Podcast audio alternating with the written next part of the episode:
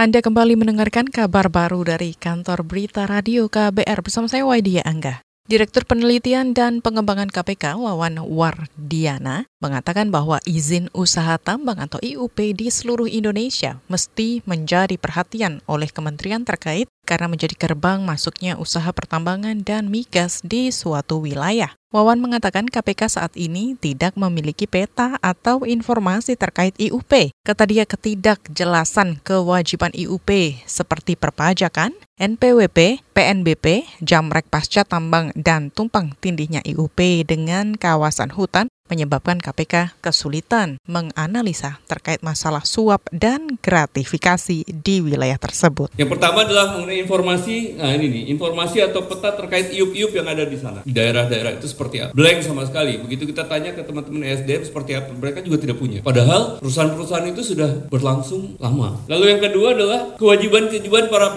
pengusaha-pengusaha yang memiliki iup itu apa? Apakah ada PNBP-nya dia apakah bayar? Pajak apakah dia bayar? Bahkan waktu itu kita kita kumpulkan dari 10 ribu itu ada kurang lebih 3 ribuan itu tidak punya NPWP ternyata. Direktur Penelitian dan Pengembangan KPK Wawan menilai adanya temuan wajib pajak di sektor tambang yang tak memiliki NPWP merupakan hal yang serius. Tak adanya NPWP otomatis membuat wajib pajak tidak membayar pajak kepada negara.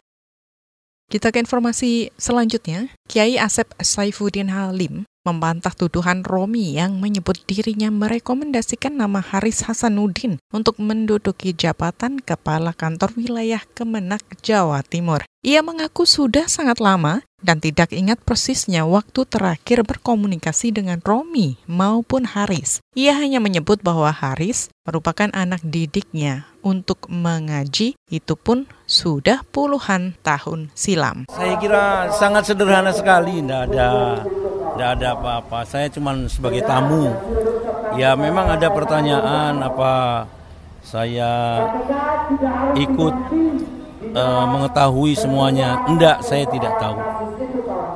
Tidak kenal dengan para tersangka kecuali dengan Haris.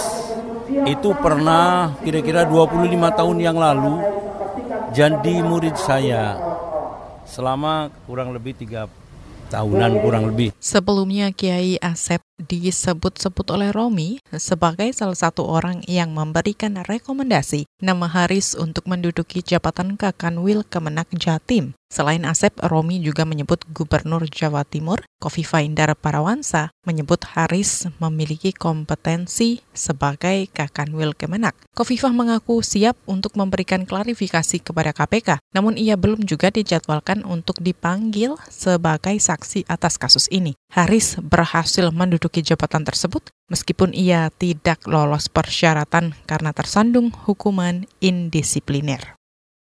Kita ke informasi selanjutnya, 25 siswa di SMK Negeri 1 Sentani terpaksa menginap di sekolah demi mengikuti ujian nasional berbasis komputer atau UNBK yang berlangsung mulai hari ini. PLT Kepala Sekolah SMK Negeri 1 Sentani, Muhammad Arabianto, mengatakan 25 siswa terpaksa menginap karena rumah mereka diterjang banjir. Selain itu, akses jalan dari rumah ke sekolah juga putus akibat banjir. Di sekolah kita ada 25 orang, yaitu 7 perempuan, 18 laki-laki yang rumahnya kena banjir. Ada yang karena pengaruh akses jalan sehingga kita kumpulkan di sekolah. Uh, jumlah siswa kita terdaftar 181, tidak hadir 9. Kita 5 lab dengan 137 komputer. Jadi uh, lab 1, lab 2 sampai 2 sesi, yang lab 3, 4, 5 hanya satu sesi. PLT Kepala Sekolah SMK Negeri satu Sentani Muhammad Arabianto mengatakan pihak sekolah sudah mendata siswa terdampak banjir yang harus mengikuti UNBK. Mereka dijemput oleh pihak sekolah untuk menginap di sekolah selama pelaksanaan UNBK berlangsung.